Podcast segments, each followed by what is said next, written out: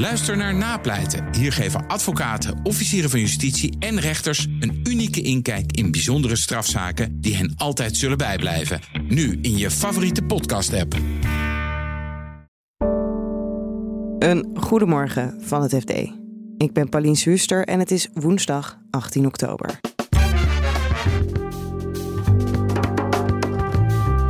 De stormloop op zonnepanelen is voorbij. Ik sprak tot één best wel grote partij in Limburg en die zei dat er toch wel lichte paniek is uh, uitgebroken. ZZP'ers met een arbeidsongeschiktheidsverzekering weten vaak niet precies waarvoor ze zichzelf verzekeren. Dat leidt ertoe dat die ZZP'er denkt: oh ja, nou ja, goed, ik betaal, dus het zal wel kloppen. En de echte 5G-revolutie blijft uit.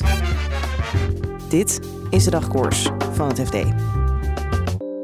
Vorig jaar was echt een supergoed jaar in principe voor het leggen van zonnepanelen bij particulieren. De elektriciteitsprijzen waren heel hoog. Dus mensen met een eigen koopwoning gingen naar zich op zoek naar manieren om die uh, energierekening te drukken. Dus ze hebben massaal uh, zonnepanelen aangeschaft, waardoor het, het, zeg maar het vermogen wat in Nederland opgewekt wordt met zonnepanelen met 30% is gegroeid vorig jaar. Je hoort energieredacteur Eva Royers over de zonnepanelen die vorig jaar niet aan te slepen waren. Inmiddels is het beeld heel anders. Nu is het uh, probleem dat vooral sinds de zomer de installatiebedrijven die zonnepanelen leggen een enorme vraaguitval zien. Dus huishoudens zijn huiverig geworden om nog zonnepanelen te nemen. Dat heeft natuurlijk een klein beetje te maken met dat vorig jaar zoveel huishoudens zonnepanelen hebben gelegd. Dus het is niet zo gek dat je wat terugval ziet. De elektriciteitsprijzen zijn ook uh, weer wat genormaliseerd. Dat speelt ook mee.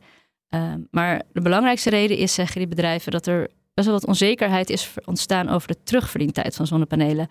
De salderingsregeling, dat is een regeling die eigenlijk regelt dat alles wat je niet zelf gebruikt, maar aan het stroomnet uh, levert, daar krijg je een vergoeding voor. De Tweede Kamer wil die langzaam afbouwen.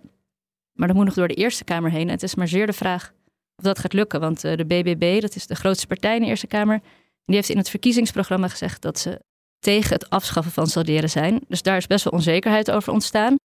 En daarnaast zijn zonnepanelen ook negatief in het nieuws geweest. Van de Bron, dat is een energieleverancier, die heeft in augustus aangekondigd dat uh, consumenten moeten gaan betalen als ze zo, uh, zonne-energie aan het net willen leveren. Nou ja, dat maakt het ook alweer lastig om te bedenken wat je terugverdiend tijd wordt. En doordat het stroomnet heel vol is, gebeurt het steeds vaker, zeker op zonnige momenten op de dag, dat zonnepanelen uitvallen, of eigenlijk de omvormers. Dus dan kan je helemaal geen stroom aan het net leveren. Nou ja, door al die onzekerheid en ontwikkelingen en zeggen veel huishoudens, nou, we wachten nog eventjes met het leggen van zonnepanelen. En hoe zit het uh, bij de markt voor bedrijven en grote projecten? Daar zag je vorig jaar al best wel wat problemen ontstaan. En dat zag ik vooral terug in cijfers, subsidiecijfers. Want voor grote projecten dan moet je denken aan bedrijven die op hun uh, kantoor of op een parkeerterrein of een loods, zeg maar, heel grootschalig zonnepanelen aan laten leggen. Die kunnen daarvoor een zogeheten SDE-subsidie krijgen. Die vraag je al gelijk aan en pas dan ga je met dat project aan de slag.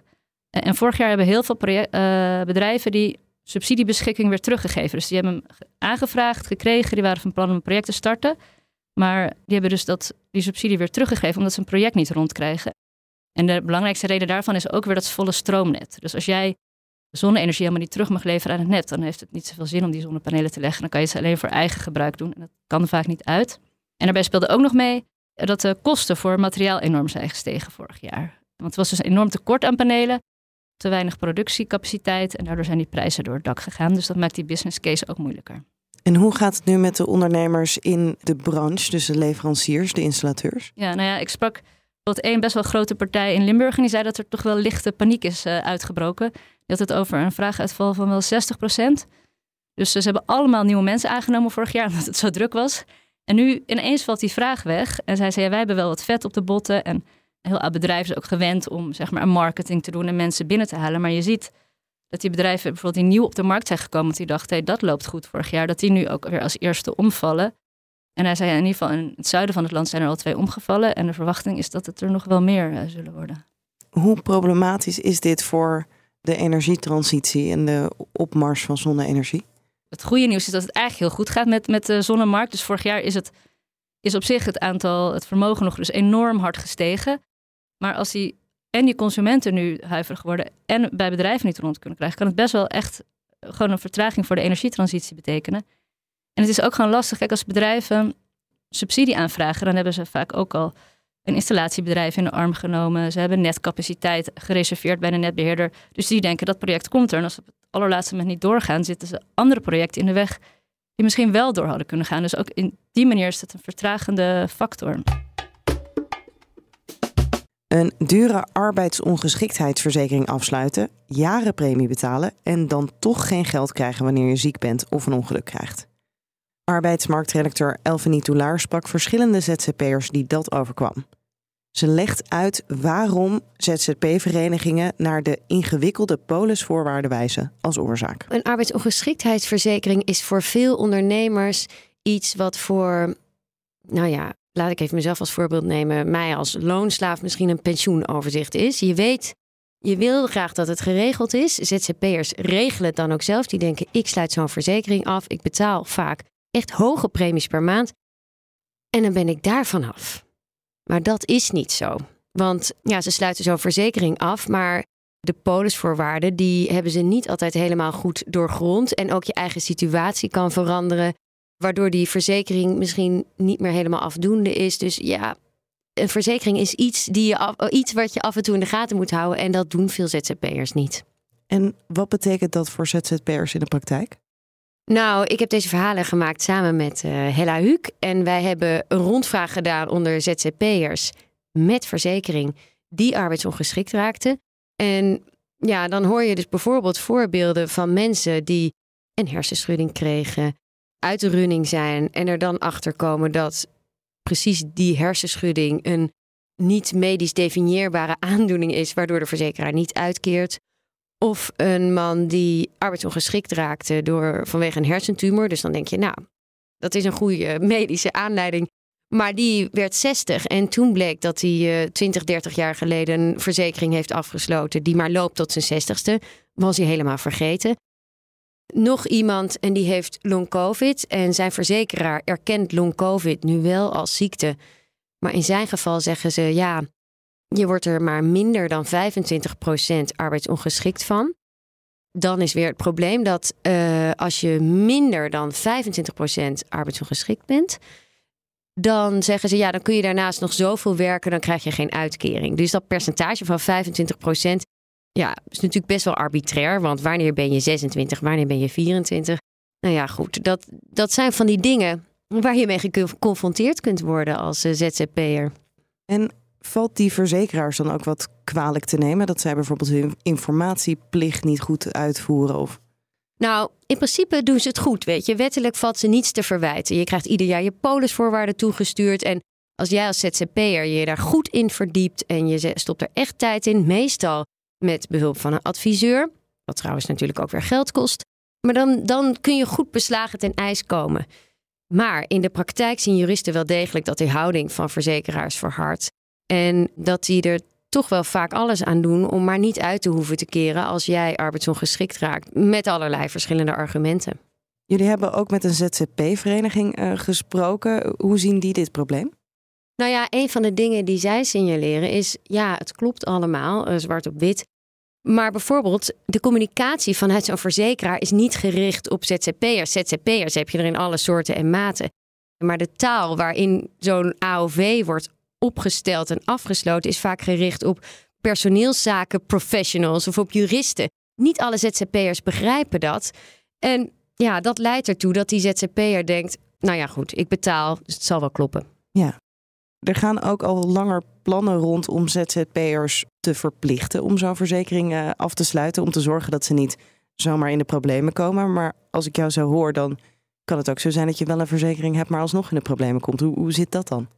Nou ja, dat is dus best wel heel lastig om zo'n goede verzekering af te sluiten. Er zijn nu plannen om te zeggen: iedereen is verplicht een, uh, moet verplicht een verzekering afsluiten. Hoe die eruit moet komen te zien, daar wordt aan gewerkt. En als je dan een verzekering hebt, dan krijg je een opt-out. Dus dan hoef je niet bij die verplichten. Maar ja, dan moet je dus wel weten waarvoor je verzekerd bent en hoe dat eruit ziet. En ZZP-verenigingen die zeggen: je kunt een voorbeeld nemen aan de broodfondsen, die zijn niet perfect. Maar die zijn wel helemaal toegesneden op die ZZP-ondernemers. En ook in hun communicatie, hoe die dat allemaal doen. Dat kan een mooi voorbeeld zijn van hoe zo'n verplichte ZZP-verzekering eruit moet komen te zien. En tot slot gaan we het hebben over 5G. Gisteren presenteerde Ericsson tegenvallende kwartaalcijfers en klaagden ze over de zwakke vraag naar 5G-diensten. Toen onze telecomredacteur Sandra Olsthoorn in 2016 begon, zou 5G de revolutie worden op de telecommarkt. De technologie was toen klaar en stond op het punt om naar de markt gebracht te worden. En dat was een totale hype. Iedereen had het over 5G en alle mooie dingen die het zou gaan brengen. Ik ging naar de grootste telecombeurs van de wereld, dus één keer per jaar in Barcelona. En ik ging daar naartoe en dat zijn enorme hallen vol met telecommensen. en die stond helemaal vol met robots. En overal waar je keek was 5G, was dit gaat de toekomst worden van de telecomindustrie. Dingen die beloofd werden waren autonoom rijdende auto's. Auto's kunnen niet zelf rijden zonder verbinding. Daar hebben ze 5G voor nodig. Dokters die gaan opereren via een robot die wordt bediend dus door die dokter die aan de andere kant van de wereld zit. Fabrieken volledig draadloos, alles gaat automatisch enorme vernieuwingen zijn in het vooruitzicht gesteld. En dat was ook heel welkom voor de telecomindustrie. Want je moet je bedenken dat 4G ontzettend veel investeringen heeft gevraagd. Maar dat die uh, voor de telecombedrijven hebben die netwerken moeten aanleggen. Maar wie zijn er allemaal met het geld vandoor gegaan? Wie hebben daaraan verdiend? Dat zijn bedrijven als Netflix bijvoorbeeld. We zijn dus 4G maakt mogelijk dat je heel soepel video kan kijken op je mobiel. En dat geld is aan de telecomindustrie eigenlijk voorbij gegaan. En die snakken naar nieuwe verdienmodellen. En de belofte was 5G, of het idee was 5G, dat gaat het allemaal goed maken. Ik heb het idee dat die echte revolutie nog niet gekomen is van 5G. Nee, dat klopt. Dat heeft meerdere oorzaken.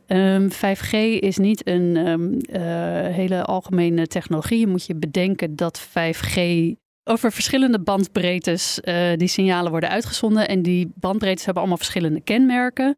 En um, wat 5G, met 5G beloofd werd, was: we kunnen nog meer data nog sneller versturen. Dus we kunnen veel meer apparaten aan het internet gaan verbinden. En die gaan allemaal signalen, uh, data versturen. En die gaan we dan analyseren. En daar kunnen we allemaal hele spannende dingen mee.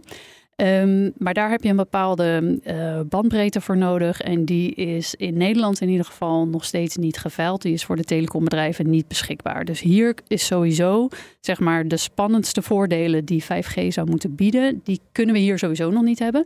Maar ook als je kijkt naar landen waar ze die bandbreedte wel al heel lang kunnen gebruiken. Of al heel lang, al een aantal jaar. Um, vooral Zuid-Korea, dat was het eerste land dat 5G helemaal uh, commercieel heeft uh, uitgerold ook daar zie je nog geen hele spannende, vernieuwende innovaties vandaan komen. Dus vooralsnog, er is 5G, maar het heeft nog niet gebracht wat men ervan dacht dat er zou komen. Maar er is wel flink in geïnvesteerd. Er is enorm in geïnvesteerd. Ja, telecombedrijven over de hele wereld hebben allemaal antennes en andere apparatuur uh, gekocht om uh, 5G um, naar de mensen te brengen. Ja. um, dat is ook niet allemaal voor niks een, een van de voordelen van, van de bandbreedtes die ook in de bandbreedte in Nederland ook al van de frequentie die in Nederland ook al wel gebruikt wordt, is dat het gewoon zeg maar de snelweg breder maakt. Dus we zitten allemaal veel meer op onze telefoon. We, gebruiken allemaal veel meer data. En met alleen 4G zou, uh, infrastructuur hadden we dat uiteindelijk ook niet gered. Dus je merkt er niks van. Maar het is niet dat er helemaal niks gebeurt. Je merkt eigenlijk in de zin dat je netwerk nog steeds best wel goed is. Ja, je had het gemerkt um, als het er niet was. Precies, je had het gemerkt als het er niet was. Maar die hele spannende innovaties, die zien we dus vooralsnog niet. Nou, mensen in de telecomindustrie zeggen, zullen dan al snel zeggen, want het is een kip-ei verhaal. Je moet eerst de technologie hebben en dan gaan mensen zien wat je daar eigenlijk mee kan. Maar ja, Korea, we zijn inmiddels vier, vijf jaar verder bijna. Ja. Daar hebben ze het ook nog niet bedacht. Maar de hoop is wel dat het dat je het ooit nog terug gaat verdienen?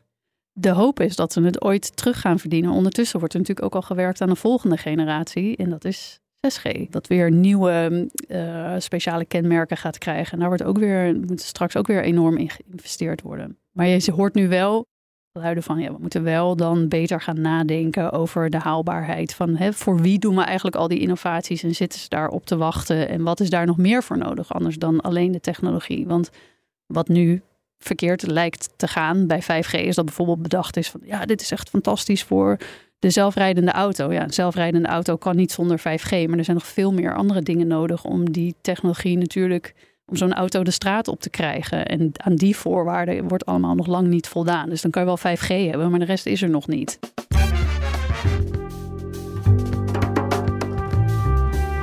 Dit was de dagkoers van het FD. Morgenochtend zijn we er weer met een nieuwe aflevering. En het laatste financieel-economisch nieuws vind je op fd.nl en in de FD-app. Nog een hele fijne dag en graag tot morgen. BNR Headlines. De hele dag binnen- en buitenlandse politiek. In Nederland hebben we geen munitiefabrieken. De hele dag economie. Vijf dagen in de week bezorgen, dat kan niet uit. De hele dag technologie. Amerikanen weer op de maan. Heb je eigenlijk geen tijd, maar wil je toch op de hoogte blijven? BNR Headlines. Het laatste nieuws, maar dan in het kort. Ga naar je podcast-app en abonneer je op BNR Headlines.